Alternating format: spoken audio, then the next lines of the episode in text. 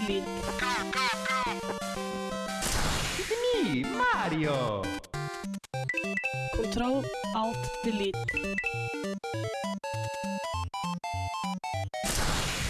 Unable to comply.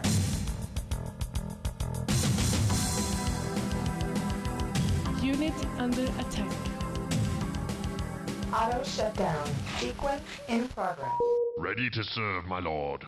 Velkommen til en superny sending med superkontroll alt elite her på Superradio Revolt.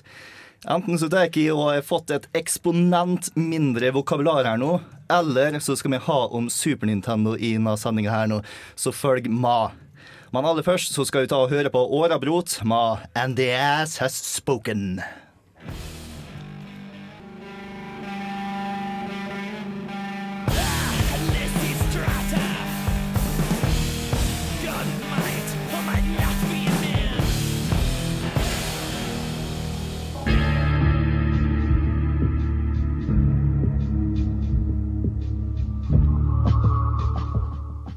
Velkommen tilbake til Kontroll Alt Elite, Norges forhåpentligvis beste spillprogram. Ja, uten tvil. Og jeg har med meg Norges beste folk i eh, studio her nå. Med meg så har jeg Hallgeir Buhaug, Verdens beste. Nei, OK, hei. Erik Vibe God dag, god dag. og Mikkel, som ikke husker et navnet på akkurat nå, men som kommer til å si Å likevel. gud, jeg fikk vondt i hjertet mitt. Jeg føler for ikke å si det. Mikkel Strømstad heter jeg. Ah, yes. Hei. Jeg- jeg- kan jeg i det minste være Norges beste, jeg også? Du er det. Ok, men da, Yes. da er det greit. Du er verdens Norg... Nei, du er faktisk verdens beste person som ikke husker etternavnet på. Nice. Yes. Mann. Så hva har Norges slash verdens beste folk spilt denne uka her nå, er spørsmålet. Hallgeir, begynner du. Jeg merker at jeg i hvert fall fikk lyst til å ha spilt eh, Half-Life 2 eh, med den eh, introen der, men eh, eh, jeg spilte uh, Death Spank. Det er et ord jeg, altså, Av en eller annen merkelig grunn så syns jeg det er veldig vanskelig å uttale det ordet.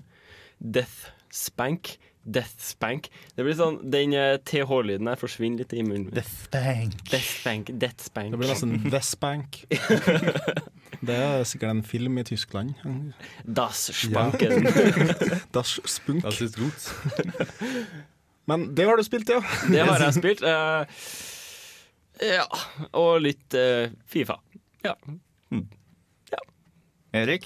Jo, eh, jeg har spilt eh, litt med Deus Ex, ikke så altfor mye. Eh, og så brukte jeg en hel dag på å modde Oblivion igjen, og så uten å spille etterpå. Jeg var veldig fornøyd med modsen jeg la inn, så jeg ser faktisk betraktelig bedre ut enn det egentlig gjorde når det kom ut. Men eh, fortsatt så orka ikke jeg å spille det når jeg først har modda hele greia. Finnes det en mod der man faktisk kan få skjegg? Eh, ja, det skal du ikke se bort ifra. Det går i hvert fall an å få nytt hår, liksom, i svære oppsatte greier, og det er saklig lite du ikke kan få. Altså jeg tenker at Hvis du kan modde spillet sånn at landskapet faktisk ser pent ut, så må du kunne få litt hår i ansiktet også. Ja, det er yeah. I, verste, I verste fall er det noen som liksom har tatt en sånn hårtemplate og bare snudd den opp ned og flytta den ned. liksom. Det, det må finnes. Jeg Ja, vet at det var var finnes. en karen som i hvert fall prøvde seg på prosjektet, som var ganske flink, men jeg eh, var aldri så lang tid at de spilte Oblivion nok til at han ble ferdig. Nei, jeg vet at det er i hvert fall noen som har modda sånn at du har det der eh, Hvis noen husker Illidan fra Warcraft 3, han har sånn Ja. der bånd foran øynene, ikke sant? Det er Ja. noen som har modda sånn at du kan få det, og det er laga av hår, da. Så det ser liksom litt funky ut, men eh, så, å flytte det enda litt lenger ned på ansiktet, ikke umulig. Yes. Og så har jeg spilt to games med League of Legends, tror jeg. Mikkel, hva har du spilt? Eh, Jeg blir snart degradert til Europas beste her, for jeg har knapt spilt noen ting den siste Uff. uka. Nei, Jeg har spilt en del League of Legends, men det er liksom det jeg har fått tid til. Uh, hvis jeg kan få si at jeg har spilt livets spill, er det lov å si? Jeg har prøvd å ta tilbake studenttilværelsen min. Live rollespill, liksom? Det, det- det, virker som det, men det får What is this game I do not understand. Ja, ikke sant? Det er bare så rart at hver gang, jeg, hver gang jeg prøver å dra inn interaction og jeg kaster en terning før jeg sier noe, så er det ingen som skjønner det. De kaster ikke terninger. Hvor i helvete er deres det til, liksom? Nei, Så jeg har ikke spilt så mye. Nei. Jeg har spilt League of Legends. Jeg har nå endelig runda Deus Ex, Human Revolution. Det tok meg bare sånn 40-50 timer, så ganske kjapt spill der nå. Ja, ja. Eh, og gameplayet er fantastisk, og grafikken er ganske så god den er. Det som skuffer meg, er dessverre historien. Fordi at gjennom hele spillet så har det en fantastisk verden og gode karakterer som aldri fikk tid til å skinne, og problem, problem som jeg ikke fikk sette tennene mine i. Og jeg hele tida tenkte rett om hjørnet nå så skal jeg bruke det her på en fantastisk måte. Og dessverre så gjorde jeg ikke det. Jeg skulle gjerne likt å sette Betesta eller BioWare bruken av verden her nå, sa problemet. For eh, jeg følte at det er mer som kunne gjort med denne verden her nå, Ja, enn det- det som ble gjort. Det blir for dumt når, eh, et, når du faktisk har sittet 50 timer med det, at eh, du likevel føler at det du, du er ikke tilfredsstilt. Nei. Og jeg må også ta og påpeke at bossfightene Å, herregud! De eh, Det er sånn at i hvert fall de to første bossfightene er sånn Nå kommer jeg mot deg og slår deg i trynet i to sekunder. Døkker du ikke, så må du ta og reloade i et halvt minutt. Hvis ikke, så må du ta og prøve å dukke neste to sekunder òg. Så eh, et par timer brukte jeg på bossfightene. Det er en sånn japansk survival horror-greie. Det er de som spilte spesielt Resident Evil 4 og 5, og også Devil May Cry-spillene måtte jo oppleve det. Jeg stoppa jo det første Devil May Cry. Jeg har spilt mye treeren og toeren, men jeg stoppa det første fordi at det første bossen Jeg har aldri fått så mye juling noensinne. Ja. Det første som liksom kommer mot deg, er en diger skorpiondemon som spruter flammer og bare dekker hele rommet med lava. Jeg tenker det at Når du dekker et helt rom med lava, hvor faen skal jeg gjemme meg igjen? True that. Double true. Nei, jeg, jeg, jeg, fant- den skulle til slutt opp på ryggen hans, da, men da gadd jeg ikke børste støv av PS2, så da fikk det bare være. Men da får vi ta og bevege oss videre. I neste stikk så skal vi ha nyheter, men aller først så skal vi høre på Grene Berg med 'Mamma Told Me'. I'm rolling. I'm rolling. Yeah, yeah, swollen, money falling. Spill out the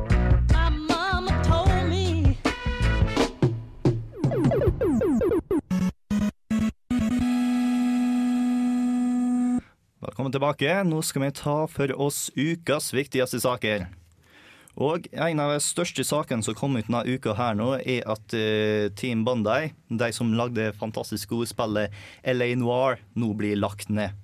Og vanligvis når du hører dette her nå, så er det fordi at eh, spillet har solgt dårlig eller fått dårlige kritikker. Det er ikke saken med LA Noir. Det solgte bra, og det fikk veldig gode kritikker. Det som ikke fikk like bra kritikk, var arbeidsmoralen til dette studiet her nå. Det var evig lange dager på deg, og crunch-tid er det du har når du er rett før spillet, og alle sammen tar og jobber helger og ti timers dager og sånn der nå. Vanligvis i spillindustrien så var ikke det mer enn ei eller to uker. Ta vart i flere måneder på Team Bandai. Så rett og slett Publishere de har ikke lyst å røre Team Bandai etter at de har fått seg ryktene om en to meter stokk og eh, 100 kroner i lomma. Det er ganske leit også, fordi at uh, hvert fall slik Valve opererer, da, så hyrer de ikke inn enkeltfolk, de hyrer inn hele team, og team som har jobbet godt med spillet osv. Jeg tenker det at når du er et team som uh, Bandai, da, som har laget et så bra spill som LA Noir, at det bare skal plutselig si stopp. For det er, ikke- det er ikke noe sjanse i havet at de kommer til å få en jobb som i det hele tatt noe som kan alludere til det gamle teamet. Nei, men jeg ser for meg at det er mange av dem som kommer til å bli tatt opp av gode Nå, ja, eksisterende men, team. Og men teamet kommer ikke til å bestå på noen som helst lignende måte, dessverre. Det var ikke Team Bandai som også hadde um, Kanskje jeg rotet noe Castlevania Lords of Shadow? Nei, det var ikke Team Bandai. Det var eh, Konami Innat som fikk hjelp av Kojima Productions. Ja, stemmer. stemmer Team Bandai har Mm. kun laga LA Noir, så vidt jeg skjønt. Hæ? Det går ikke an. Jeg mener at eh, noen av de lagde før eh, The Getaway-spillet, hvis jeg husker riktig nå.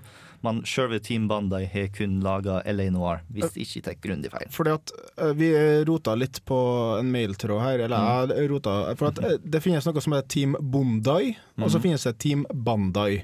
Eh, Dette er Team Bondai, forresten. ja, det, vi snakker om det australske, ikke det Ja. japanske, Nei, ja, okay. som holder på å gi ut Naruto-spill og Dragon. Ja, du har jo noe som hører til Namco, ikke? Ja, det er Namco Bandai, det Ja. heter ikke Team Bandai. Nei, ja, det er i hvert fall litt rot om akkurat det, da. Nei, men det er australierne det er dårlig for i dag, ikke japanerne. Mm. Den australske spillindustrien har dere egentlig stått det ganske dårlig med ganske lenge. Ja, den, den, den holder på seg. Det er, noe, det er sånn, noen spill hvor du ser faktisk at det er noe australsk eh, Det er litt som Canada. Det var ikke det Canada, BioWare Ja, er haug Canada med gjør det fantastisk bra, Ja. men rett meg om jeg tar feil nå, man sto ikke Australia for eh, Bioshock. Jo, jeg tror kanskje Ja. Jeg tenkte mer på forholdene for uh, spillslipp og sånt. Ja, der, ja. ja. Ja. Da syns vi synd Og på alle. aldersgrense Ja. og alt Alle australske lyttere, vi, har, dere har vår dypeste sympati. Sorry, Tyske, vel? mate. Ja, men- og tyske vel, det er samme Ja, ikke så strengt. De fikk vel Doom nå nettopp. Yes, det, det er en liten eh, nyhet, det òg. Endelig så er ikke Doom og Doom 2 kategorisert det samme som porno i Tyskland, så Ja, det er fremskritt. Tyskland, altså. Det, det sier jo sitt. Jeg trodde tyskerne var glad i sin smuts. De liker det egenprodusert, tror jeg. rett og Ja. Men vi tar og beveger oss videre, fordi at Nintendo er veldig flink på hardware, spesielt etter at hardwaren har kommet ut.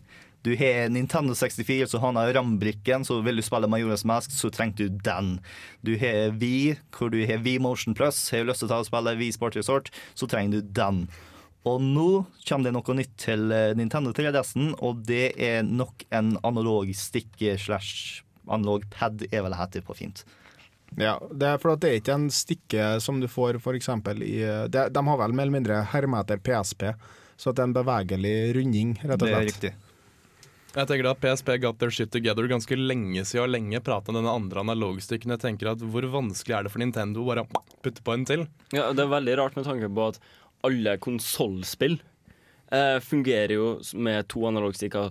Og hvis de da på en måte har et ønske om at de skal port porte et eller annet, så måtte de jo skjønne at de, ville, de måtte ha to Altså, analogstikker. Selv GameCube-kontrollen, som var så uh, forhatt som den var, personlig digga jeg den. Uh, til og med den hadde jo to analogstykker. Men jeg tenker at nå er vi jo tilbake på gamle Gameboy-nivå, når du måtte putte på liksom forstørrelsesglass og lys og batteripakker og kameraer og Altså, Gud vet hva. Ja, for det er sånn det faktisk ser ut. Nå har jeg tatt opp et bilde her på skjermen så folk kan se, men det er ekstra masse vekt som må på uh, maskina for å få ned ekstra knappen. Det det er nesten Maskina blir nesten en fjerdedel større bærer så du kan bruke den ene knappen der nå. og bare på høyresida, ser det ut som. og dessuten er det jo estetisk voldtekt av Det er eh, det. 3DS-en. Den, den ser jo faen meg ikke bra ut noe mer, rett og slett. Så eh, det som skjer, regner jeg med, er at eh, nå må alle sammen som har lyst til å bruke den noe andre analogstikken, enten skrive på boksen 'du kan ikke spille tærne uten den andre analogstikken', eller så er jeg nødt til å ta og eh, finne en annen måte for de som ikke har noen analogstikke til å spille på. Jeg ser for meg dette er som en sånn bundle-løsning. Ja. På samme måte som du fikk med Donkey Kong 64 og Majora's Mask med den der eh, expansion-kortet. Og så får du med Pokerwalkerne, for den saks skyld. Så får du med dette dillet her i de tre spillene som gidder å implementere det. Og alle er Nintendo-spill, det kan jeg love deg. Ja, mest Men, uh, hvor- mest, mest ja. sannsynlig så kommer jeg til å implementere den andre analogstikken i neste Nintendo 3DS-versjon, så du bare vet kommer til å komme. Ja, Men hvor mye tror du den koster, den eh, saken? Altfor masse kjenner jeg Nintendo. Ugh. Yes, Men eh, da tror jeg vi tar og beveger oss videre og hører på Hella med Headless.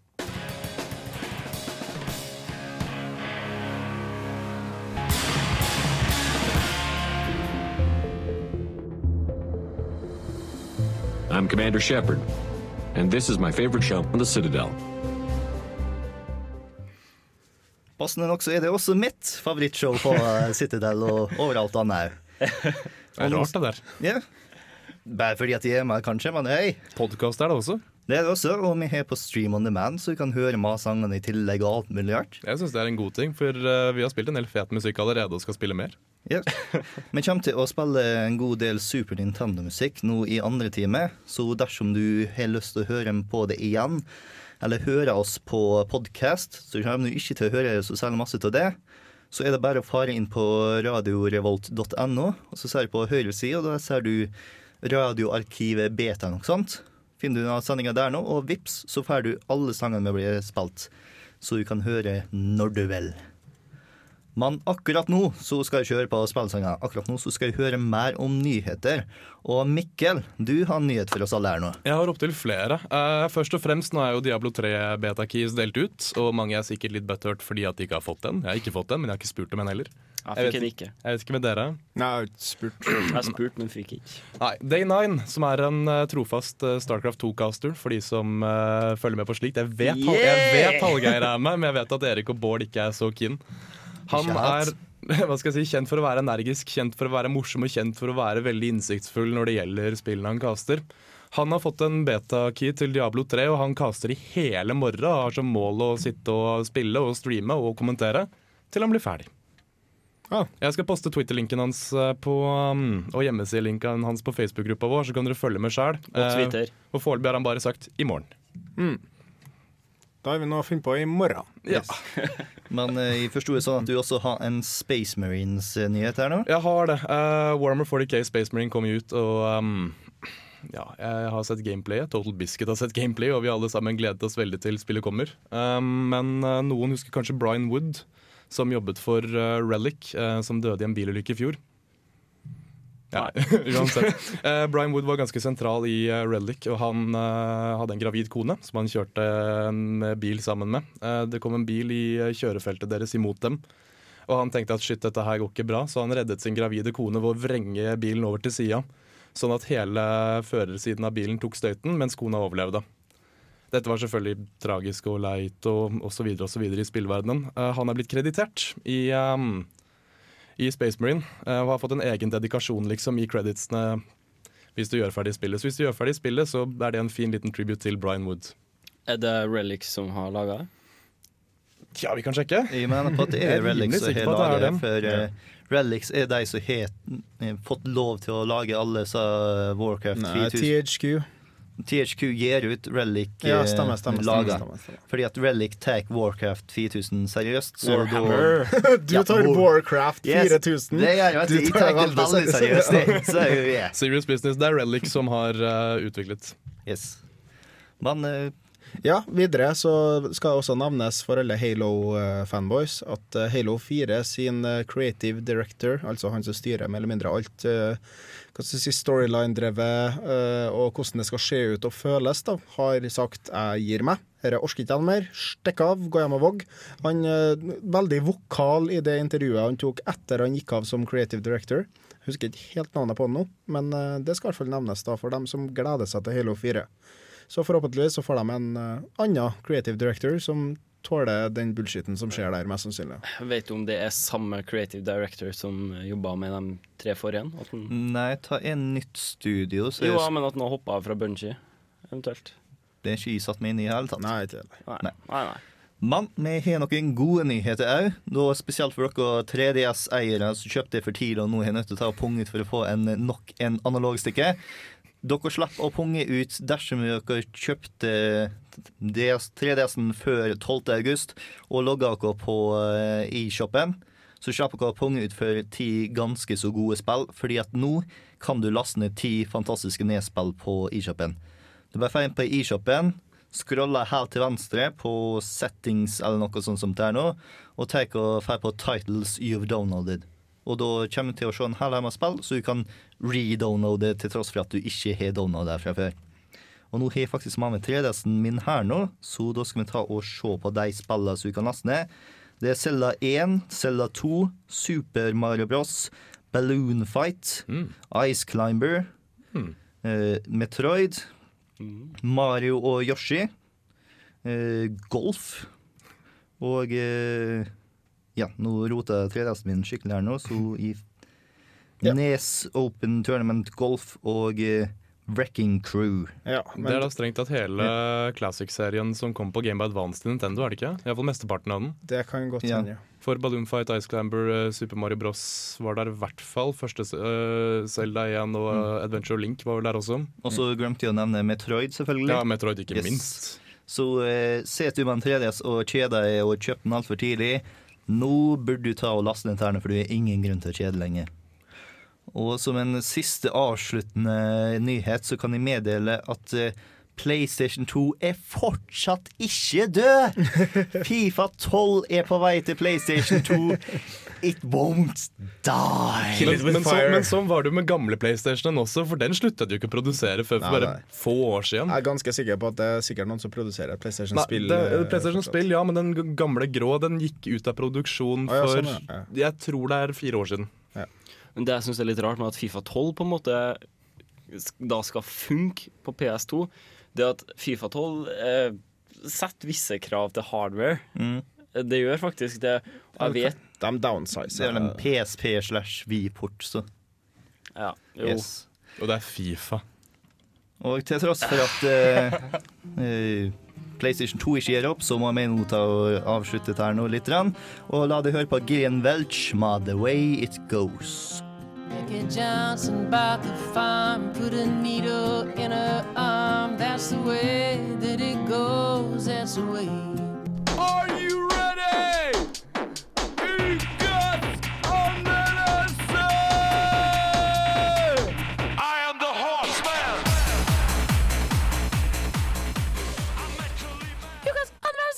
Yeah! Og da er det på tide å ta og snakke seriøst om spill her nå, for eh, Hallgeir, du er seriøst satt ned og spilt spill. Ja, og, og hvilket mer seriøst eh, Eller hvilken mer seriøs spillserie har man sett i det siste året enn Deathbank? Yes. Og det har uh...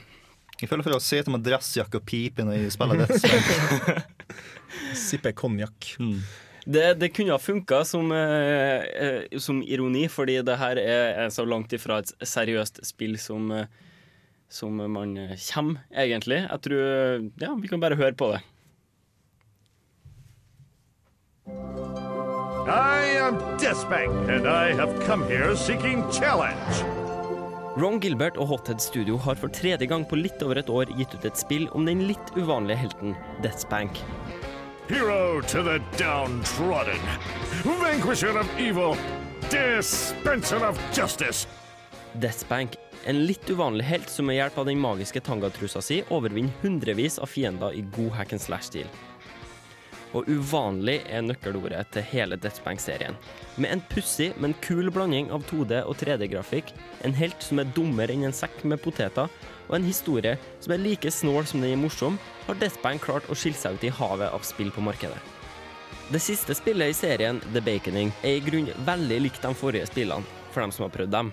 Men det er mer polert grafisk og gameplay-messig.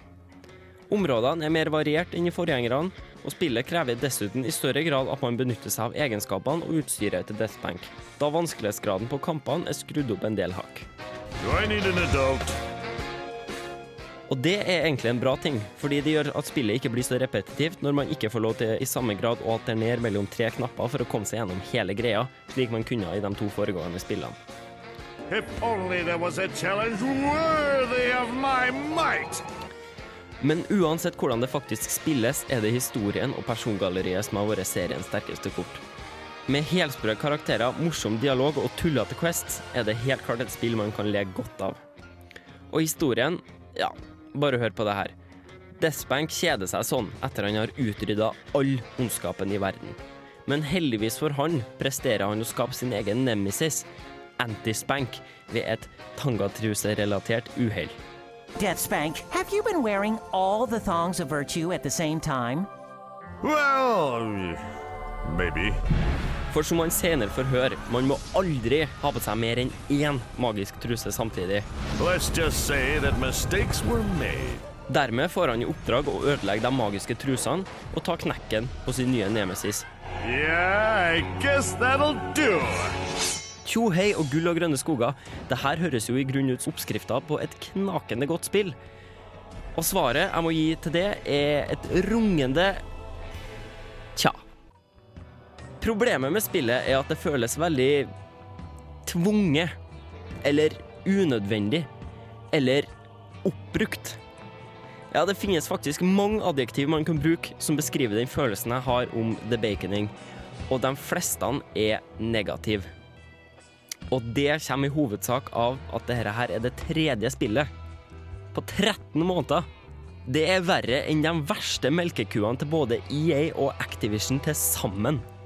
Og selv om spillet har god humor og referanser til annen populærkultur som tidvis er genial, så faller det gjennom på det mest elementære.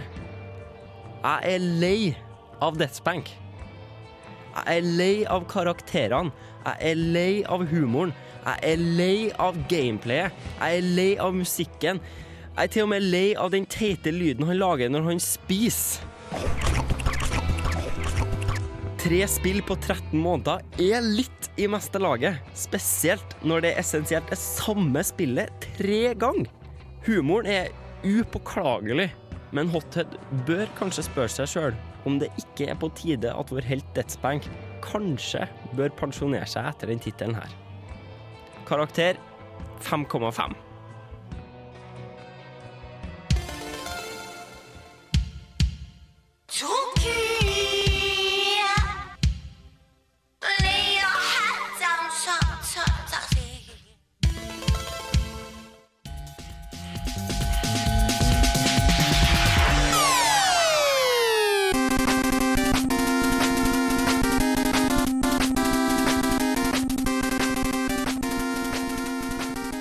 Velkommen tilbake til Kontroll Alt Elite. Akkurat nå så hørte dere på Dance Dance Nei, Gang Gang Dance med Minecla.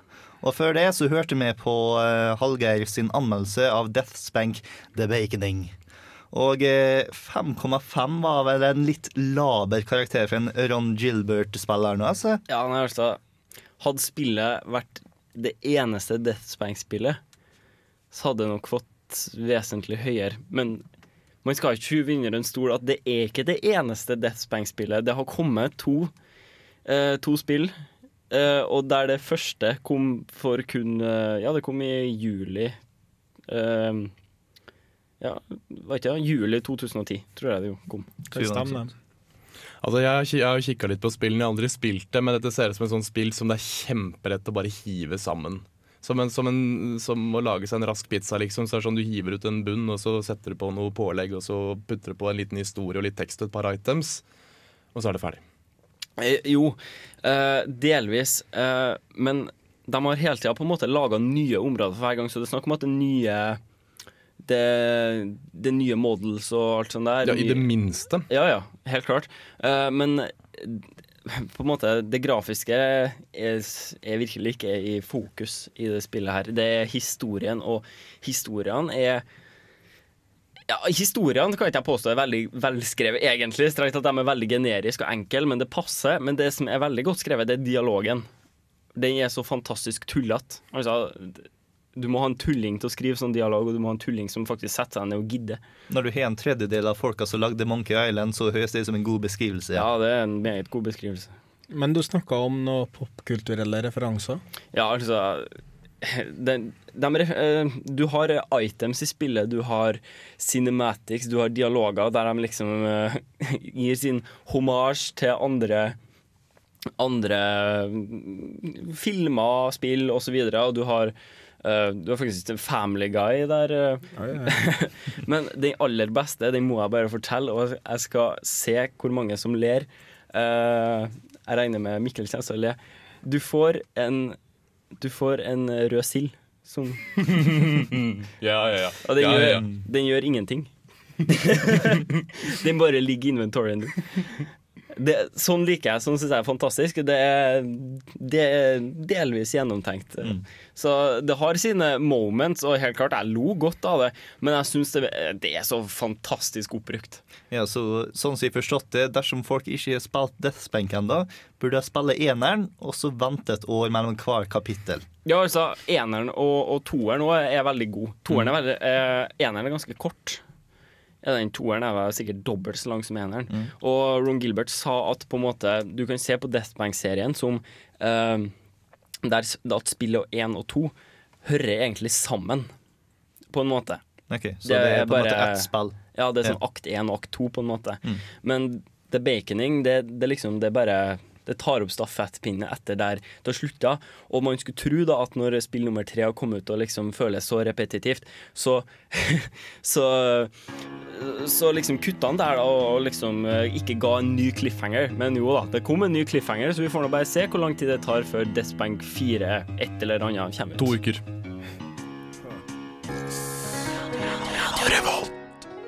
Og velkommen tilbake. Det sier seg Nå så trenger vi å avslutte første time med Kontroll Alt Elite her nå. Og dersom du ble skuffa over at jeg snakka så masse om Super Nintendo i starten, ikke var det, for nå skal godsnakket begynne. Vi skal inn i andre time hvor vi har mindre musikk og mer å snakke om. Så eh, sitter du på radioen på, som tar imot radiobølge alt mulig rart, du burde ta og bevege imot eh, computeren din akkurat nå, så du kan få med det andre time. Få en på radiorevolt.no, eh, så øverste høyre så bare klikker du der nå og følger med på oss live. Hører du på oss på podcast eller på Stream on demand, slapp av. Alt sammen er tatt hånd om allerede. Bedre går det rett og slett ikke an å få det. Yes. Og eh, du burde også ta og prøve å følge oss med på alle mulige rare plasser. Blant annet så har vi en Facebook-side som heter Radio Revolt presenterer Kontroll Alt Elite. Kommer til å legge opp artige lenker og alt mulig rart. Og i løpet av forrige uke så har jeg også lagt ut eh, en kode eller to til Deus X1. En kode sånn à la Hotell Sebra 7, Detektor Radio, Victor, eh, Foxtrot Bravo 2, X-Ray, Tango 2066. Bare sånn tilfeldige nummer, sånn som det er nå. Så du skriver inn i Steam, og så plutselig så får du helt gratis Deus X1. Det er så hyggelig jeg er med. Og så er det et veldig bra spill, så det burde du faktisk prøve. Mm. Det er ikke sånn at vi bare kaster dasspapir etter dere her. Det, Nei, det er kvalitetspapir. Det er Lambi. det er Lambi. Det er jo som man sier om Deus Ex, at hver gang du nevner det, så er det noen som reinstallerer dem. Ja. Og nå, nå kan noen installere for første gang au. Ja. Det blir altså snart, ass. Eller andre gang. Det er fullt mulig hvis du har spilt det før og har lyst til å spille igjen. Jeg installerte nå, nettopp. Ja, Faktisk. Ja. Har vi fått prøvd noe av, eller bare installert det? Bare se på progress-baren gå Jeg har så tregt internett at eh, det å se på In Progress Barn, det er sentortur. Men jeg fikk med oss at vi har en gruppe til, jeg. Som jeg fikk vite om her om dagen. Det er Steam-gruppa vår. Det er Steam-gruppa vår. Steam-gruppa vår har et ganske likt navn. Det er Radio Revolt presenterer Kontroll Alt Elite, parentes RR, CAD, parentes Nei, eh, ja, men eh, det er noe med en forkortelsegreier som skal være enklere, for at du skal klare å søke oss opp enklere, men tydeligvis ble det ikke helt med. Mm. Den sti- Steam-gruppa er veldig fersk starta. Det er mer sånn at vi i radioen og vi med lytterne kan spille og se på hva vi, hverandre spiller, rett og slett. Mm. Enkleste måten å finne oss på Steam egentlig er bare søke på Radio Revolt i community Ja. searchbaren, så vips, så burde du finne tak i med mindre nå blir Radio Revolt-navnet kjempepopulært i Steam community, Ja. og alle sammen har lyst til å ha det som eh, navn på gruppa si. Får vi håpe at det ikke skjer, da. Yes. Og dersom Facebook og Steam ikke er godt nok for det, så har vi også Twitter-kontoen vår, rr-spill, hvor jeg også la ut en link sånn la Nishu Bravo, Dexter Indigo, Hotell Indigo, Dexter Kilo, Victor 8 Hotell, Whisky Radio X-Ray. Du Kan du faktisk dette her, eller bare dikter opp disse Det får jeg de som skriver inn, finne ut. Jeg er veldig flink til å huske tall og nummer, skjønner jeg. Ja, Jeg tenker mer på Delta Bravo Hotell. Ja. Nei, etternavn det, det er ikke så flink til å huske på. Men. Men du kan det fonetiske alfabetet, og Det det, spørsmålet. Mikkel skal ja, jeg trodde du kødda, jeg. Nei, nei, i, av og til så glemmer jeg noen, og da putter jeg inn Dexter, er ikke det fonetiske. Det er Delta. Delta, selvfølgelig. Eh, Alfa bra og delta Alfa Ja, vi bra trenger det. Det Skal vi gå gjennom alt sammen og bare bruke opp tida? Nei. Jeg forstår at dette er andre timematerialet. Det er det, vet du. Da yes. Det er vel også viktig å minne folk på om de har vært med i konkurranse i forrige uke. Altså lønner det seg jo å høre på neste timen for å faktisk få med seg om de har vunnet. Det fikk jo ganske mange kule bidrag også. Det er mange bidrag. Vi har en konkurranse hvor du kunne vinne Deus X Human Revolution på PlayStation 3. Og vi fikk faktisk overraskende mange innsendinger. Det er så mange svar vi fikk at jeg nesten begynner å bli litt nervøs når vi skal snakke på radioen. For det er faktisk folk som hører på oss. Hva er dette her nå? Hvorfor gjør dere det? Nå begynner jeg å bli redd. Ikke minst vi er morsomme folk som hører på oss. Vi fikk en del kule svar også. Det er helt riktig. Og dere som ikke skrev svar, slapp av. Dere skal få ta en del av humoren, for vi kommer til å lese opp noen av de beste nå i andre time. Men som sagt, første time er nå over, og du får ta og komme deg over på dataen hvis du ikke hører oss på den måten. Eller bare ta og høre på Secret Mobilization med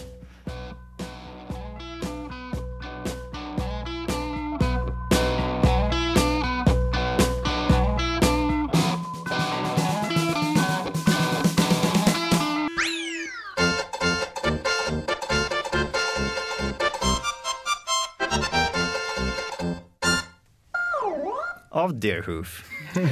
Velkommen til andre time av Kontroll Alt Elite, hvor alt sammen er supert. For i dag så skal vi ta og snakke om Super Nintendoen. For nå har det gått 20 år siden den endelig kom ut på markedet. Riktignok i Japan, men vi klarte ikke å vente med å snakke om Super Nintendo. I Nord-Amerika. I Nord-Amerika? I Nord-Amerika. Ja. Vel, der er La oss håpe på at du har dataen riktig denne gangen her nå, da. Jeg er ganske sikker. Ja. Det er i hvert fall 92 i Europa, og vi gidder ikke vente til 2012. Kanskje vi tar en prat da òg, men eh, vi kommer definitivt til å prate om Super Nintendo nå. Hvis vi overlever. Ja, det er april da, i 2012. Ja, så vi har fortsatt et par måneder før eh, ting begynner å bli litt skummelt. Men å feire Nintendo 64, det kan vi se langt etter. Ja. Jeg langt til den fyller, fyller år, for å si det sånn. Det er vel 2016-17? Noe Ja. sånt? Ja, men Vi trenger ikke å ta rundår. Vi kan jo ta 15 år, for eksempel. Og sånn her, ja. Da må vi skynde oss. Ja. Bare å glede lyttere. Men eh, i dag så er det ikke Nintendo 64 sin dag, i dag så er det Super Nintendoen. Og er det noen her nå i rommet som faktisk eide en Super Nintendo? Eh, Jeg fikk en Super Nintendo eh, når jeg flytta tilbake til Trondheim fra Tromsø. eh, For at jeg bodde i Tromsø i tre år, og jeg var vel en seks når jeg fikk Super Nintendo min. Super Nintendo. Super, Super Nintendo. Nei, jeg, den fikk jeg av far min, og det var kjempeartig. Jeg var til han annenhver helg, for jeg er da skilsmissebarn. Og eh, på grunn av det så var det litt sånn Han ville at Super skulle være til han, sånn at jeg fikk et added incentive til å dra til han, og mamma ble bitter og gammel. Men eh, fantastisk maskin. Det er mi, min yndlingskonsoll. Og eh, du kan jo si det at den konsollkrigen som var på den tida, var mellom fire veldig kapable maskiner. Og eh, Super Nintendo vant jo, men det var ikke mye i forhold til Sega. Det var mye mindre enn jeg trodde. Har jeg sett nå at uh, Super Nintendoen solgte 48 millioner, tror jeg, mens Segaen solgte 40. Jeg representerer en av de mange som ble født i 1990 og derfor aldri hadde en eh, Super Nintendo. Litt fordi at eh, jeg var hakket for ung, og litt fordi at jeg hadde en mor som var veldig glad i å gå på tur og gå på ski, og syntes at nye ski det er bedre enn spillkonsoll. Åh, samme her, altså. Jævla ski. Jeg Tror jeg aldri har fått et par ski. Jeg tror mamma hører på, så jeg skal ikke si mer stygge ting om mamma. Hei, mamma. Du kan jo fortsette å si stygge ting om ski, da. Heldigvis. Så du har faktisk ikke eid en Super Jeg har ikke eid den, men jeg har spilt den. Men jeg har, for jeg har hatt en del kompiser som har hatt den. Apropos ski, det første Super Nintendo-spillet jeg spilte, var uh, det OL-spillet som kom ut i 94. Og da Jeg kunne jo lite om vintersport, jeg har aldri kjørt bob før, liksom, så hva, hva skulle jeg gå ut ifra? Men Så du har kjørt Bob noe? jeg har ikke kjørt bob nå heller. Jeg har veldig lyst, da. Men så hvis noen har lyst til å ta med meg på en bobtur, så er det. Da er det bare å si ifra. Det ser, det ser ganske skummelt ut. Det gjør det. Men han var veldig flink, jeg var veldig dårlig. Han likte å trolle meg og sa Mikkel, bare legg deg langt til venstre i den første svingen, og så kjører du ikke ut. Jeg kjørte rett ut. Jeg hadde ikke lært å gi fingeren ennå, så jeg kalte ham noe stygt i stedet. Yes, som dyst dust. Ja, Tulling. dumming. Hallgeir. Hallgeir har ikke eid en Super Nintendo. Uh, jeg kan faktisk ikke med hånda på hjertet si at jeg hadde lyst til å eie en heller, for at uh, Altså, ikke sånn eh, Jeg kunne alltid tenkt meg å ha det nå, men når den faktisk var på markedet, så visste jeg ikke hva en Super Nintendo var. Jeg visste av Nintendoen. Jeg trodde det var liksom hele, hele spillkonsollgreia. Altså, jeg hadde en PC, da. Jeg husker jeg visste ikke heller hva en Super Nintendo var. Nintendo var jo generelt en spillkonsoll for meg, helt til Ja. jeg fikk en PlayStation og skjønte forskjellen. Men uh, jeg husker jeg spilte gamle Pokémon-spillet på Gameboy. Gameboy var en annen konsoll enn Nintendo. Og der uh, gikk jeg bort til en spillmaskin som var i en av butikkene i Pokémon-spillet, og så jeg på ah, han sa wow, it's a SNES. Jeg tenkte hva i helvete, det er ikke en 20, det er en spillkonsoll. så, så lite initiert var jeg. Men nå ser det faktisk ut som at Erik er en eneste som har eid en Super Nintendo her nå. For eh, jeg fikk først Nintendo 64 da jeg var sånn 6-7 år gammel. Men jeg starta å spille på Super Nintendoen fordi at de har en uh, søskenbarn som var fire-fem år eldre enn meg. Så når vi var på besøk med han, så var det alltid artig å ta og spille uh, Street Fighter 2 eller noe sånt. som Ja. der. Street Fighter 2 fikk ikke lov til å spille så lang tid. Plutselig så fant tanta mi ut at du kan slå sønder og sammen folk der nede, og da havna jeg alltid på hylla når jeg kom. Teite tante. Jeg syns Street Fighter 2 uh, av et spill. uh, særlig da de uh, japaninglishe oversettelsene av victory-phrasene til enkelte. Guile for eksempel sa etter, etter den hadde slått deg, si at eh, da får du det bildet av en bro broken down Ryu eller en Sangif som har fått seg blåveis og blø fra ansiktet. Så sier liksom han som har slått deg, en ting til deg, og da sier Guile noe så elegant som 'go home and be a family man'. det, det, det, å, det er så bra. Og det er tydeligvis eh, Det er noe som er lost in translation der fra Japan, men fortsatt det er en veldig fin ting å si til en person som du har akkurat banka livskiten ut av. Men altså Street Fighter har aldri vært heldig når det gjelder enten oversettelser eller adopsjoner. Jeg mener En ting er at de måtte rokere om navnene på Vega, Bison osv. Men en annen ting er at de klarte å kaste Jean-Claude van Damme som guide i Street Fighter-filmen, som skal være the most American man, og du, du putter ikke The Muscles from Brussels som Guile. Nei, den filmen var grusom. Det var Det var, grusomt det er helt, fantastisk. helt, helt elendig. Nå kommer ikke jeg på hva han som spilte Bison het, men han døde jo rett etter den filmen her, og han er en faktisk ganske god skuespiller. Raoul etter annet heter han. ja, ja, han er sånn, jeg tror han har et jentenavn til fornavn, ja, etter våre standarder her i Norge. da Men eh, det er et eller annet Raoul, og eh, han døde jo etter den filmen. eh, Noe som var ganske synd, for at han var en god skuespiller, og det er liksom det han kommer til å bli huska for. That's his legacy. Ikke gudfaren, men Street Fighter. Yes. Of course! Men uh, videre, jeg spilte Street Fighter eh, hos en kompis når jeg var til faren min i helgen. Jeg hadde ikke det sjøl da. Jeg hadde faktisk ikke så mange spill på Super Nintendo. Men eh, UN Squadron var en av dem, og det er kanskje det beste shoot them up-spillet jeg har spilt gjennom tidene. Og da mener jeg en standard schmup. Du er et fly, du skal skyte andre fly, og etter hvert så kan du oppgradere spillet. Og Og det, er en, det er en nydelig sp spillform. Ja, det er noe veldig sånn her Zen-like med å spille schmups. For at de er så enkle, og de er, du skjønner alt med en gang. Du har, eh, blir du god i det, og hvis du får det til, så får du en sånn rytme inn i spillet, og du går inn i en sånn transe. Og det er veldig, veldig kul spillsjanger, syns jeg. Det er ikke mye send-spill for meg, den eh, typen der, ass. For jeg blir aldri god i shootemaps. Og da er det faen meg lite send å spille dem, altså. Ja, du, du blir fort frustrert. Ja, Shoot ups var egentlig en sjanger som har sin heyday på Super Nintendoen. For etter at spill begynte å komme i 3D, så er det ikke så særlig masse hun har sett. Å, men da har du ikke spilt Ikaruga. Og Ikaruga, var- Ikaruga var liksom det siste store store shoot'em-up-spillene. Hadde ikke Dearez òg? Jo, for så vidt. Og så har de Ray Crisis og Rainstorm og Dodonpachi osv. Men Ikaruga kom til GameCube. Og finnes nå på Xbox Live Arcade også. Dessuten så har man, jo, så har man jo The Lost Viking da, på, i Starcraft 2. som er arkadespillet i kantina på Hyperion, for dem som er det og ikke har prøvd det. Og apropos Lost Viking, så kom jo det òg ut på Super Nintendo. Eh, hvor du da kunne velge mellom eh, de tre eh, vikingene. Eh, Nå husker jeg jeg vet at det, Det er en som heter Olaf. O Olaf. i hvert fall. Hargard, tror jeg han heter. Ja, altså, en har skjold, en har sverd og En har bue. En har bue. Ja, Ja. det var en Erik Ja, det stemmer Ja, kanskje, ja. det. Mm. Og Yes. eh, det, var, det var vanskelig for en eh, seks til åtteåring å spille, altså. Det var tricky, tricky. Jeg har aldri spilt uh, The Lost Vikings på Super Nintendo, men uh, jeg har spilt The Lost Vikings i World of Warcraft. Å ja. Går det an? ja, for det, det er en, det er en Ja, at de er i den dungeonen, ja. Nei, det er en quest i, i Badlands. Mm. Der f Før, da, i Vanilla, så var det en litt sånn hidden quest. Yeah. Eh, men nå er det en, eh, rett og slett en quest som liksom på en måte er- Følger du en chain, så blir du rett og slett bare Altså følger du Badlands chain, så blir du leda til dem, og de liksom er inkorporert i selve Badlands quest chain. Så Men nå tar vi og beveger oss litt vekk fra konsollen og nærmer oss spillet. Og eh, vi kommer til å diskutere hva som er favorittspillene våre etter at vi har hørt eh, denne sangen her. For jeg regner med at når favorittspill blir diskutert, så kommer nok eh, A Link to the, plas- the Past til å bli nevnt. Så derfor så har jeg funnet tak i Carbohydro M sin Unsealed, full av cellegodt.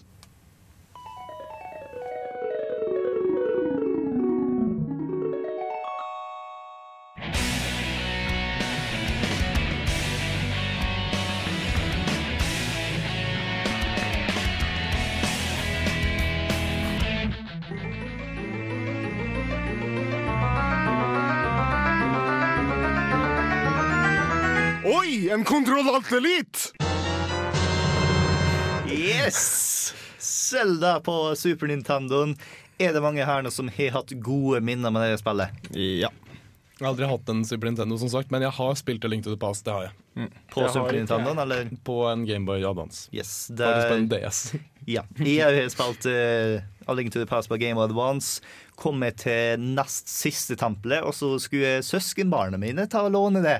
Og så før han eh, Så stakk han bare til Sogn og Fjordane. Leverte den ikke tilbake. Fikk den tilbake. Du begynner å merke det at altså, søsknene til foreldrene dine Det er folk man burde holde seg Ja, unna. nei, det var slekta mi, altså. Det er enkelte som hjelper meg til å bli gamer, og andre som prøver å stanse meg med alt jeg har. På samme måte som mødrene Hallgeir og jeg har. Det er bare It's a conspiracy. Fikk Atari og Amiga til mamma, og Nintendo av mamma, og Super Nintendo av pappa.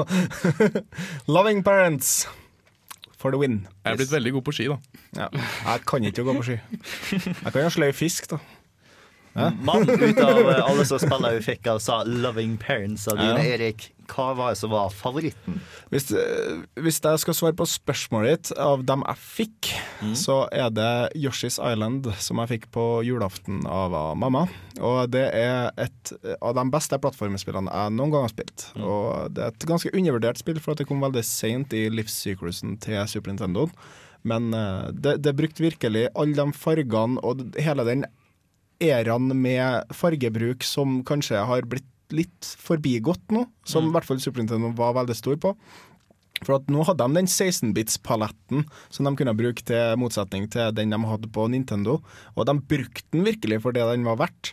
Og eh, Yoshi's Island var epitomen av det. da Det var fargerikt, det var masse fine farger, og du var kjempebra gameplay. Hva faen betyr epitom? Eh, topp. Ok. På en pen måte. Ja, Yoshi Island er ikke et bra spill å være dårlig i, for i vanlig Mario jo er det sånn du detter, og du starter på nytt. I Yoshi's Island sier er wah, Ja, ja. Eh, Baby Mario flyter opp i ei boble og, eh, og skriker. Yes. Og det er no- noe, eh, noe plagsomt, men fortsatt et veldig bra spill. Ja. Men du tok og formulerte det på en litt spesiell måte nå, du, siden det Ja. er av deg du fikk. Ja, for at etter jeg har Etter Snes sine dager fikk jeg en PlayStation og alt det der, men jeg gikk på en måte tilbake til Super Nintendo på magiske måter, og spilt masse spill som jeg aldri hadde spilt før. Eh, og det går an til å gjøre også de magiske måtene nå, på din egen eh, magiske computer. Eh, men i hvert fall så spilte jeg et spill som heter Seiken Densetsu 3. Og det heter da på engelsk Secret of Mana 2. Og det er kanskje det, det er brukt elementer som nyere spill har tatt i bruk i ettertid veldig tidlig. Sånn som klassesystemet i Diablo, um, oppgraderingssystemet, sånn branching, uh, upgradable eh, greier. For eksempel, eh, en av personene, Hawk, han er en eh, ninja. Nei, han er ikke en ninja i utgangspunktet, han er en scout. Så etter du oppgraderer en, så kan den gå en dark eller um, light route. Da blir den enten ranger eller ninja, og så etter det så blir den enten nightblade eller noe annet på dark route. Eller så blir den eh, ja, noe annet på den light routen. da. Og av det så får han nye abilities i forhold til om han er light eller dark. Pluss at det så helt visuelt fantastisk ut, og um, hadde et soundtrack som jeg aldri kommer til å glemme. Ja. Det er mitt favorittspill på Nintendo. Hva er ditt sitt favorittspill, Hallgeir? På Super Nintendo? På Super Nintendo. Det er det vi snakker om i dag. Ja Her kom du planlagt, Seri. Jo, men eh, altså, jeg kunne jo planlagt så mye jeg ville, men med tanke på at jeg har jo spilt hele ett spill da på Super Nintendo. eh, Street Fighter 2 er et jævla bra spill. ja. Nei, altså, det må jo bli Street Fighter 2 av den enkle grunnen at det er den eneste jeg noen gang har spilt. da Men eh, så er det jo mange på en måte spill som jeg vet jeg sannsynligvis har kunnet ha likt. Ok, Så hva tror du har vært Hvis vi kommer inn i en parallell verden hvor Hallgeir faktisk fikk sin Super Nintendo når han var liten, hva tror du har vært favorittspillet ditt da? Jeg så Mikkel kikka litt på Megaman X her. Megaman Ja. X-spillene var Ja, nydelige. Ja, så jeg bare ser på meg Megaman X. Ja, Alle definitivt. etter X-eren sugd fram til sekseren, eller noe sånt, sånn som jeg vet det. Eller treeren kanskje var bra, jeg husker ikke. Så. Megaman eh, X, kanskje. Mikkel, har du et bedre svar enn eh, alternativ verden Megan Mega Oh, men jeg har mange. Um, altså, jeg, jeg eide aldri en SNES, men jeg er blitt en sånn emulatorhore som har emulatorer av alt. Og derfor også en hel haug med spill av alt som jeg har spilt på alt mulig rart av forskjellige konsoller som takler en emulator. Og det er mange, altså. Mm. Veldig mange. det er derfor altså 90-tallet er min sånn favorittspillæra, for det er da jeg vokste opp med spill. Jeg fikk jo tårer i øya da jeg plukka opp eh, første Monkey Island og så den veldig improviserte punktgrafikken. Eh, jeg jubla over at f.eks. Yatzy lager spill som fortsatt ser ut som helvete, men spilles veldig bra på gamlemåten, liksom. Så jeg har spilt mye av Super Nintendo-spillene. Uh, jeg må jo selvfølgelig nevne Link to the Past, fordi at altså, et rikere, dypere Zelda-spill skal Ja. du lete lenge etter. Det er stort til å komme til en Super Nintendo, til en 16-bits-konsoll. Og så tidlig i lifecyclen til Snesen som det kom. Ikke sant. Uh, og så har du jo selvfølgelig Megaman X, som Hallgeir så pent rappa fra meg. Men jeg har likevel lyst til å trekke fram uh, Super Metroid. Ja. Super Metroid, og til en viss grad Contra 3 også. Yes. Nei, for Super Metroid har jeg spilt litt på Wien, for der kan du laste ned mange gode Super Nintendo-spill, faktisk. Og eh, det, det så så vakkert ut, egentlig. Mm, Jeg har alltid hatt litt problemer med å komme inn i de gamle Metroid-spillene, og så hørte jeg at Super Metroid var det beste av dem alle. Jeg tenkte, altså, får prøve da. Så jeg fyrte det opp på en emulator. og uh, satt der, og, og, så begynte jeg å spille. Jeg tenkte at herregud, dette, dette er så bra, men, men hvorfor er dette bra? Jeg har jo ikke gjort noe ennå. Og så ble det bare bedre og bedre til slutt. Det er noe med atmosfæren, det er noe med størrelsen, det er noe med loading-sekvensene som de har gjemt. Ja. Det er noe med progressen i spillet, det er noe med fiendene, utfordringene, flyten, variasjonen. Favorittspillet, rett og slett. Ja. Bortsett må- musikk, bortsett fra at du må skyte 100 ganger på dører for at de skal åpnes, så kaster du bort all ammunisjonen din. Det er fin musikk. Det er veldig Ja, fin musikk. musikk. Det er vel det eneste jeg vet om det spillet. Men hele nesten Super Nintendoen hadde bra musikk all over. Det er svært få spill som jeg husker som hadde dårlig musikk. Altså med de midlene de hadde. Hvis jeg ser det fra Nintendo, som hadde 8-biten, og det lydpaletten de kunne velge for å lage dem òg, veldig bra musikk. Og 16-bits-paletten til Super Nintendo det gjorde jo det at de rett og slett kunne forme den videre og gjøre noe mer med musikken. Og de tok de frihetene de kunne, rett og slett. Og det, det, utrolig mange gode soundtracks på Super Nintendo. Ekstra credits tok opp dette her, for med enten 8- eller 16-bits eh, musikk, så er du veldig bundet. Mm. Du kan ikke liksom lage ekstreme symfonier à la Final Fantasy-spillet nå, f.eks. Du må holde deg til eh, primært liksom perkusjon og melodi. Alt liksom, alt sammen gikk på å fokusere på denne ene melodien som skulle sitte igjen, og det gjør det jo. Alle sammen husker jo Overworld-musikken til Zelda-spillene, alle husker jo Super Mario Theme, er de som ikke har spilt det, for at melodien er så hva skal jeg si, Den er så tenkt på, den er så gjennomtenkt. Og så har du ingen Det er ingen som snakker over den. Det er ikke noe særlig med bakgrunnslyd eller noe sånt som det er nå. Musikken fikk rent spillerom som gjorde at den fikk masse større plass. Og der skal man bitch-slappe remaken av A Link to the Past fordi at de ga Link en stemme hvor han sier «Ja!» hele tiden når han slår på ting, og det er ikke pent. Jeg kan ærlig talt ikke si hva kjenningsmelodien til Deus Ex er. Altså, jeg har anmeldt det, spilt det ganske mye, men altså, jeg kan nynne de, samtlige av spillene jeg har i, eh, som jeg har spilt på Super Nintendo. Nei, men eh, nå må vi ta og bevege oss litt vekk fra musikk og tilbake til favorittspill, for jeg har også lyst til å dele mitt eh, favorittspill her nå. Og eh, det er ikke så enkelt som eh, Zelda eller Mario eller Metroid. Det er noe så overraskende som Mickey Mouse. Ja, det var bra spill. Yes, Mickey Mouse Magical Journey eller noe sånt som det er nå. Spilte i Man har nevnt nevnte søskenbarna mine. Det som er litt teit med meg, er at det ikke var saving på det. Så jeg spilte alltid første bane på nytt og på nytt og på nytt og så hvor langt jeg kunne komme med. Men det var deilig spill med fantastisk musikk og vidunderlig atmosfære. Og beste tida jeg noensinne har hatt med Mickey Mouse. Men eh, du nevnte Contra tidligere i dag, du. Og jeg gjorde det. Yes, og nå skal vi ta og høre litt om på Contra Spears Daredevil. Hva slags sang er det her nå? Jo, eh, Kontra 3 heter eh, Kontra 3 i Europa, men i Japan så heter det Contra Spirits. Uh, og de lagde rett og slett arrangementer av soundtracket, og denne arrangementet her heter da Daredevil. Jeg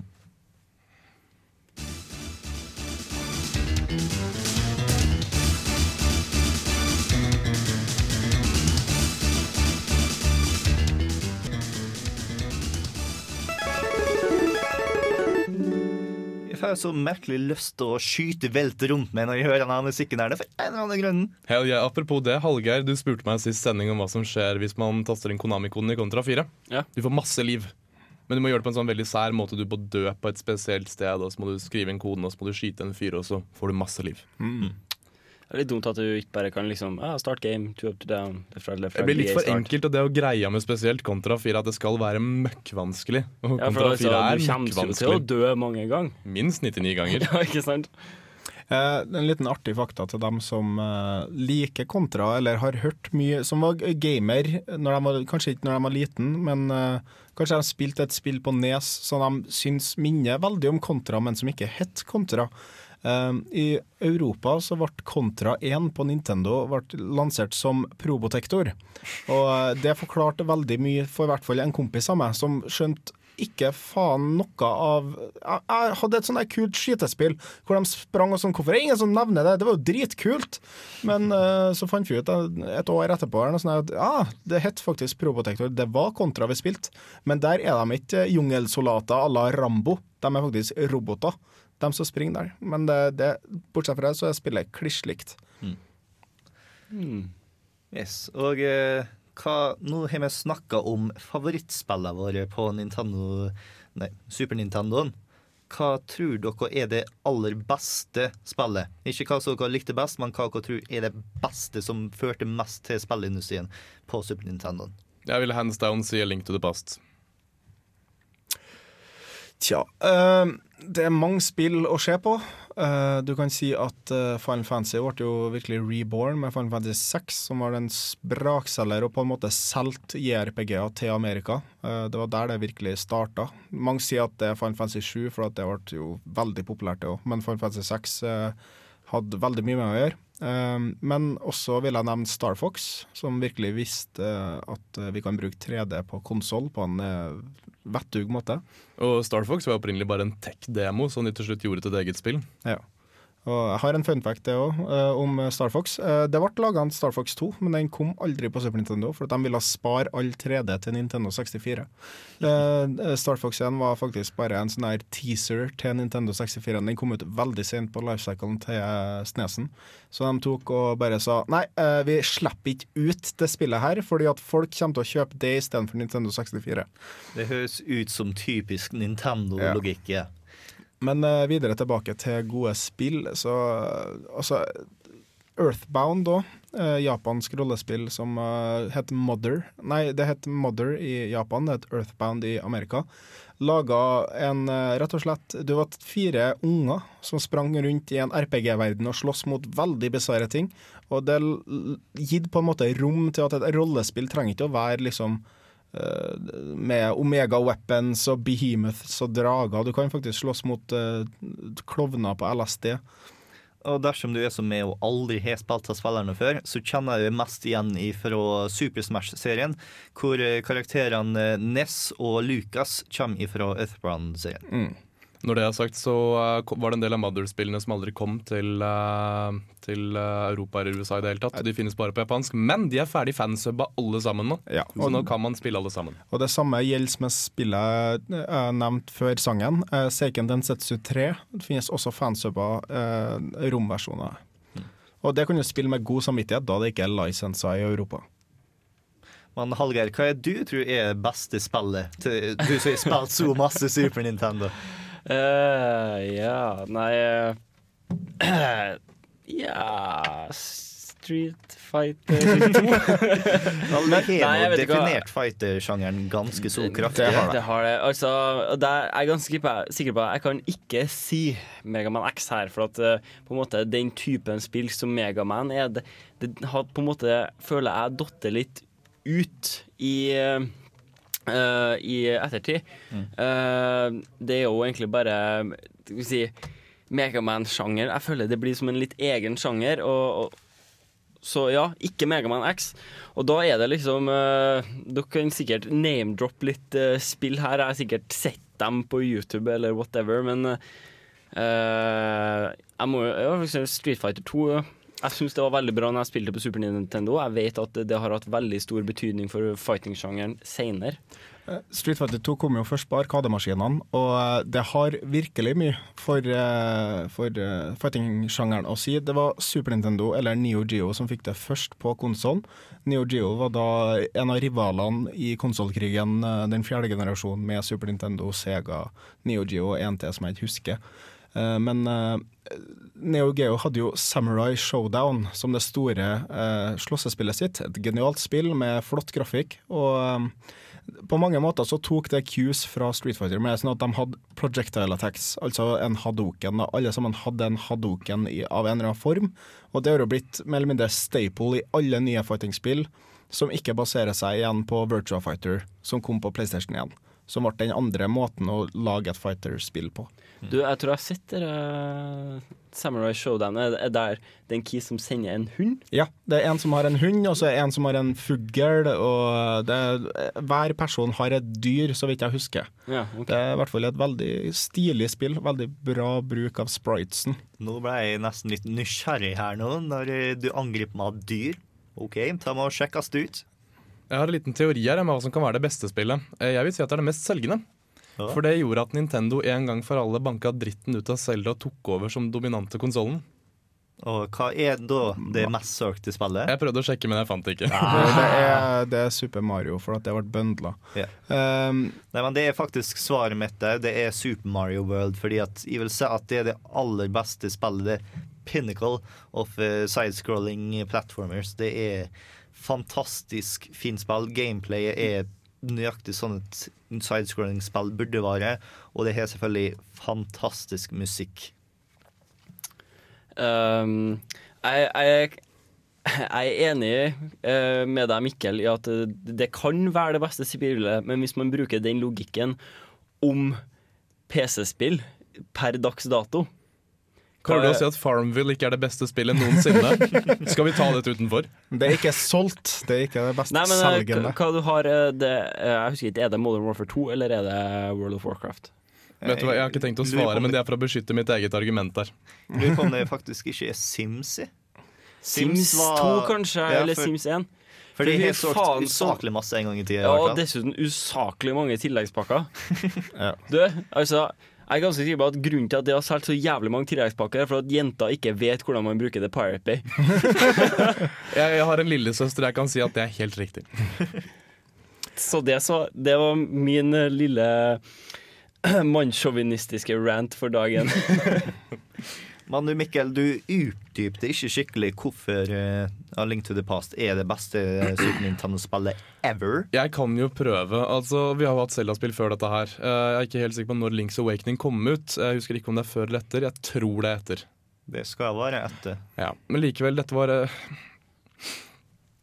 Dette var et spill hvor de faktisk hintet til for det første at Ganon ikke var til stede. Eh, Så det begynte på, det, hva skal jeg si, hintet fram på en litt ny approach på Zelda-spillene. Vi snakker eh, om et grafisk mesterverk her. Vi snakker om et spill som er langt, og vi snakker om et spill som faktisk har en passe lengde. Vi snakker om et spill som har, om ikke Sidequest, så er det iallfall ganske mye å gjøre på siden som også bygger opp mot hovedmålet ditt. da. Du har både Lightworld og Darkworld, som du må hoppe fram og tilbake mellom, som gir en ny strategi på hvordan du liksom skal takle mm, Puzzles. hva skal si, takle puzzles, rett og slett. ja. Det er litt på samme måte som du bruker Win i The Wind Waker og du bruker tiden i Ocarina of Time, bare mye mer, for du må hele tiden veksle fram og tilbake med det. Um, det er pent å se på, musikken er bra, atmosfæren er god. Jeg vet ikke Når jeg fram til deg med dette her? Det høres i hvert fall ut som at det er noen av lytterne våre som burde føle for å ta og spille etter å ha spillet vi har spilt så langt eh, i dag. For eh, Super Nintendoen har noen fantastisk gode spill. Eh, og det fine med Super Nintendo-spillene er at eh, de ikke bare er på Super Nintendoen. Bortsett fra de kanskje litt mindre lovlige måtene Mikkel har spilt enkelte av spillene på, så kan du laste ned en god del av dem på uh, Wien. Og så er det en god del som har kommet på Nintendo DS-en. Eksempel Chrono Trigger har en god port der nå. Og eh, en god del av Final Fantasy-spillet eh, ble porta over på en 3D-måte på DS-en. DS-en.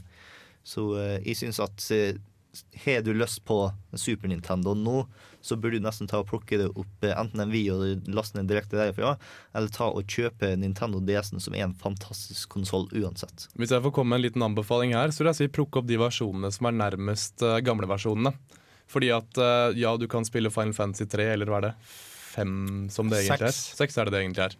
Uh, og få en tredje versjon her, Men jeg tenker det at vi snakker om en konsoll som var så spesiell, med, et så, med så god grafikk, som egentlig ikke er så god grafikk nå lenger. Jeg tenker at det ble lagt så mye artwork og musikk og i atmosfære i originalversjonen at spill i originalversjonene de er bra nok alene. Og det har en viss sjarm med Super Nintendo-grafikk, syns jeg. Det er en eh, grafikk jeg savner nå. Sprite-basert grafikk generelt er Hør. For en ting som er litt synd, det er at Super Nintendo plukker det opp et nesten hvilket som helst Super Nintendo-spill i dag, så er det fortsatt vakkert. Plukker det opp et PlayStation 1 eller Nintendo 64-spill, så er det sånn åh, hvordan kan de ta og spille i ta i mer enn fem minutter? Det er riktignok et bra spill om det er men det ser så stygt ut. Det ser fryktelig ut. Yes, så det er vakkert når folk tar og lager veldig god 2D-teknologi nå til dags. Eksempel eh, fighting-serien Blaze Blue har fantastisk fin grafikk, og eh, Rayman Origins, som er på vei nå, ser også veldig, veldig vakkert ut, til tross for at den ikke er i 3D. Braid også, som er storvakkert. Oh, ja. Megaman 9. som er, ser akkurat like ut som Megaman på NES. Jeg syns vi burde dedikere en egen sending til dette. her Jeg syns vi burde dedikere en egen sending til Megaman. Det er ingen tvil. Men uh, du har også Peripherals var veldig stort. Altså, du hadde På Nintendoen så hadde jo Duck Hunt som hadde liksom pistol, men du hadde ikke så mye mer enn det. På Super Nintendoen så hadde du eh, en cartridge hvor du kunne spille Gameboy-spill på Super Nintendo. Jeg vet ikke hvorfor du ville gjøre Super det. Gameboy. Fy faen, det har jeg prøvd! Jeg prøvde en sånn jævla peripheral på, på Super Nintendo der det var en jævla bazooka. Bazookaen, ja. Jeg tenkte å komme til den. Jeg komme til den. Jeg tror det var to spill som kunne kjøre den. Det var jo og- helt sykt dårlig. Du får jo bare skaut ting på skjermen. og Det var faktisk ganske vanskelig å treffe med. For at det jeg tror, når det kommer til peripherals, jo mindre, jo bedre. For at det er lettere å sikte med en pistol enn med en bazooka. Spesielt på en TV-skjerm. Jeg hadde, jeg hadde så lett håpa på en Duck Hunt 2 hvor du kunne skyte ender og den jævla bikkja med en bazooka istedenfor den lille pistolen. Du hører et lite kvekk, og så er det Og hunden kommer aldri opp. Men nå skal vi ta og runde opp Super Nintendo-praten vår for i dag. Eh, Det har vært veldig artig her nå, men eh, vi har nødt til å ta og snakke om eh, DU6-konkurransen vår og alt mulig rart. Men før vi tar og gjeng helt vekk fra Super Nintendoen, så skal vi ta og spille av en sang som vår filmofile og til tider Kontroll Alt Elite Jens Erik Hvaler, som nå kommer sprengende inn i studio for å ta introdusere denne sangen her nå. Yes, Jens Erik, Hei. introduser denne sangen vi skal nå høre. Jo, vi skal nå høre uh, Matt Pollard sin remix av Time Preserved fra Lufia 2, som er et av mine favorittspill til Snesen. Og et av de første RPG-ene jeg spilte. Jeg er litt sliten fordi jeg har løpt. Fem Um, meter. jeg er gamer, jeg er, jeg, er, jeg er i dårlig form. Men jeg vil bare liksom ta det, ta det liksom helt, helt ned. Og så skal vi høre liksom regnet som, som begynner å sildre, og tordene som kommer litt i bakgrunnen. Ta det liksom helt med ro. Bare sett deg ned, slapp av og nyt.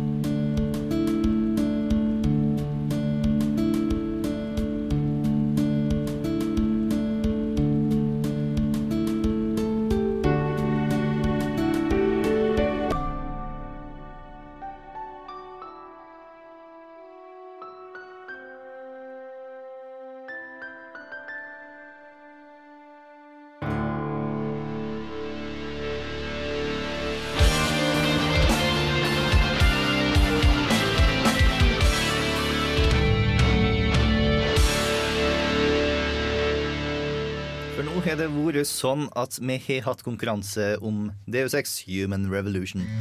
Vi spurte alle våre lyttere der ute om eh, dersom de kunne ta og forbedre kroppen sin med teknologi, sånn som du kan gjøre i Deus Ex, hvordan har de gjort det?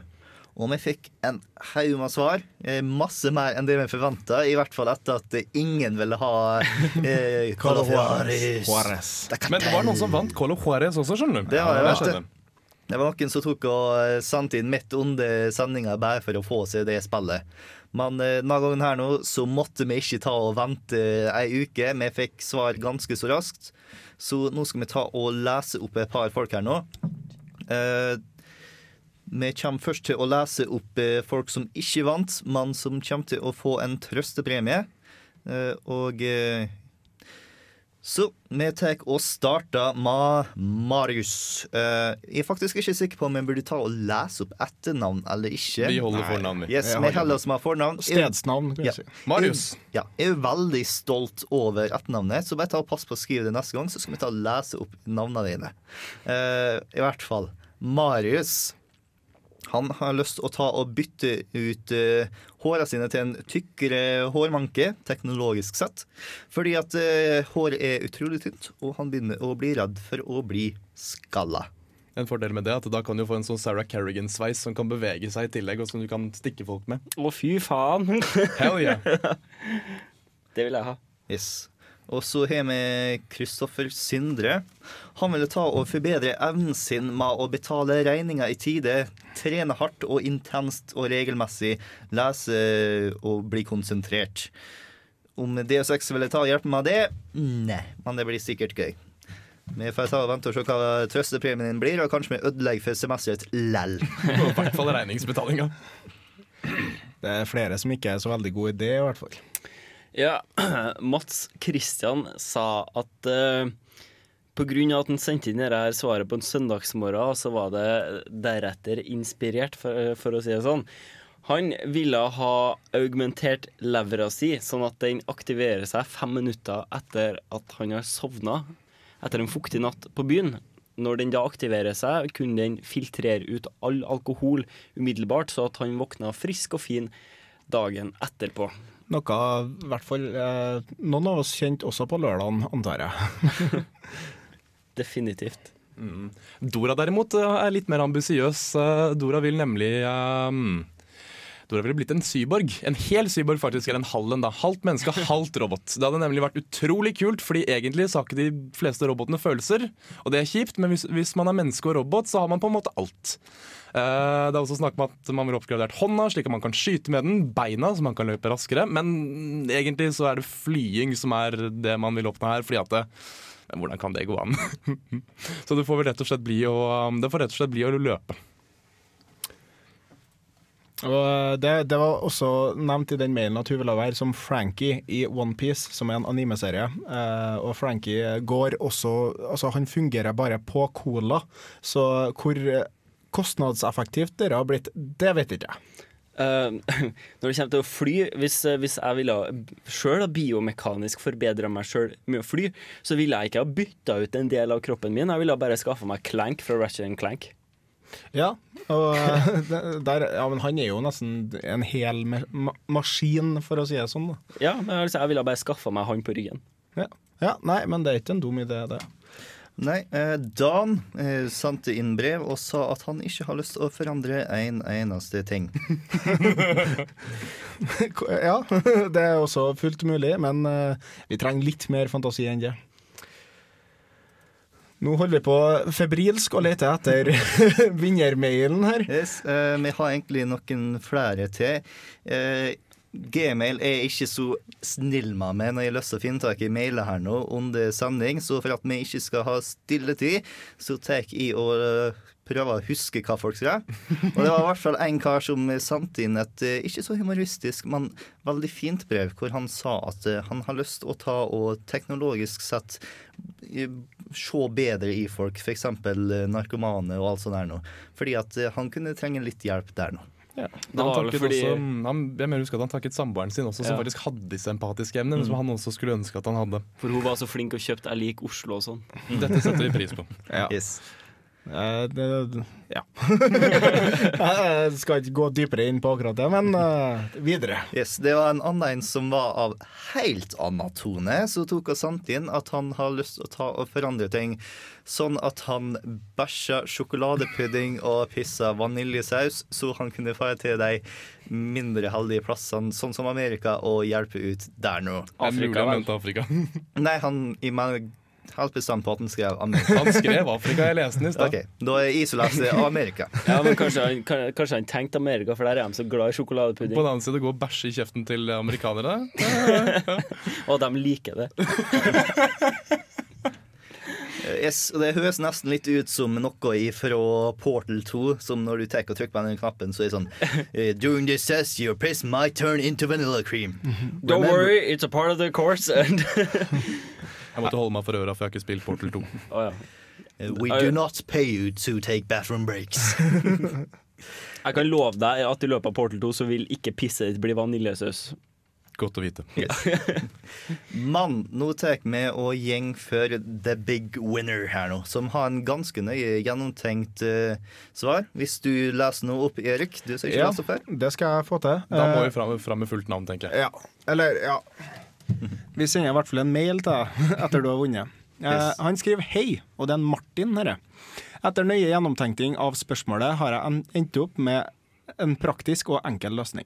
Hvis jeg skulle forbedra meg på noe som helst vis, skulle jeg fått meg robottomler. Da kunne jeg trykka fortere og lengre på PlayStation-stikka, åpna ølen uten å ølåpner og hatt en lighter i tuppen av fingeren. Og det hadde sikkert vært fint med en innebygd kniv som man slipper hele tida å åpne bestikkskuffa så veldig ofte.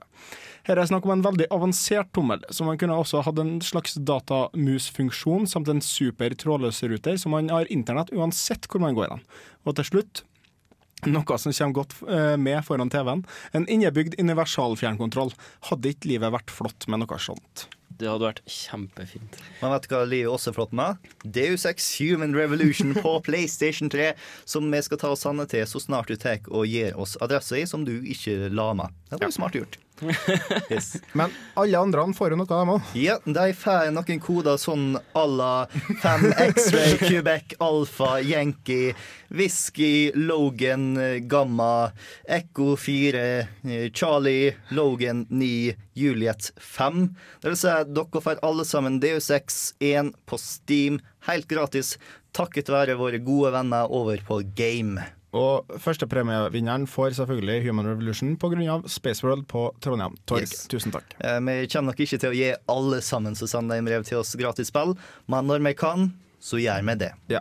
Det, er- det er mest- bare sånn vi er. Ja, og Yes. Mest sannsynlig neste sending så blir det en ny konkurranse hvor vi har et nytt spill å gi bort.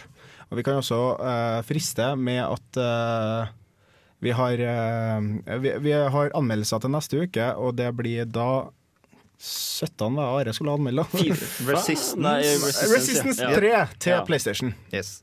Men inn, før vi begynner å ta og diskutere med hva vi skal gjøre i neste sending, så skal vi høre litt på Johan Agebjørn sin Megaman 2.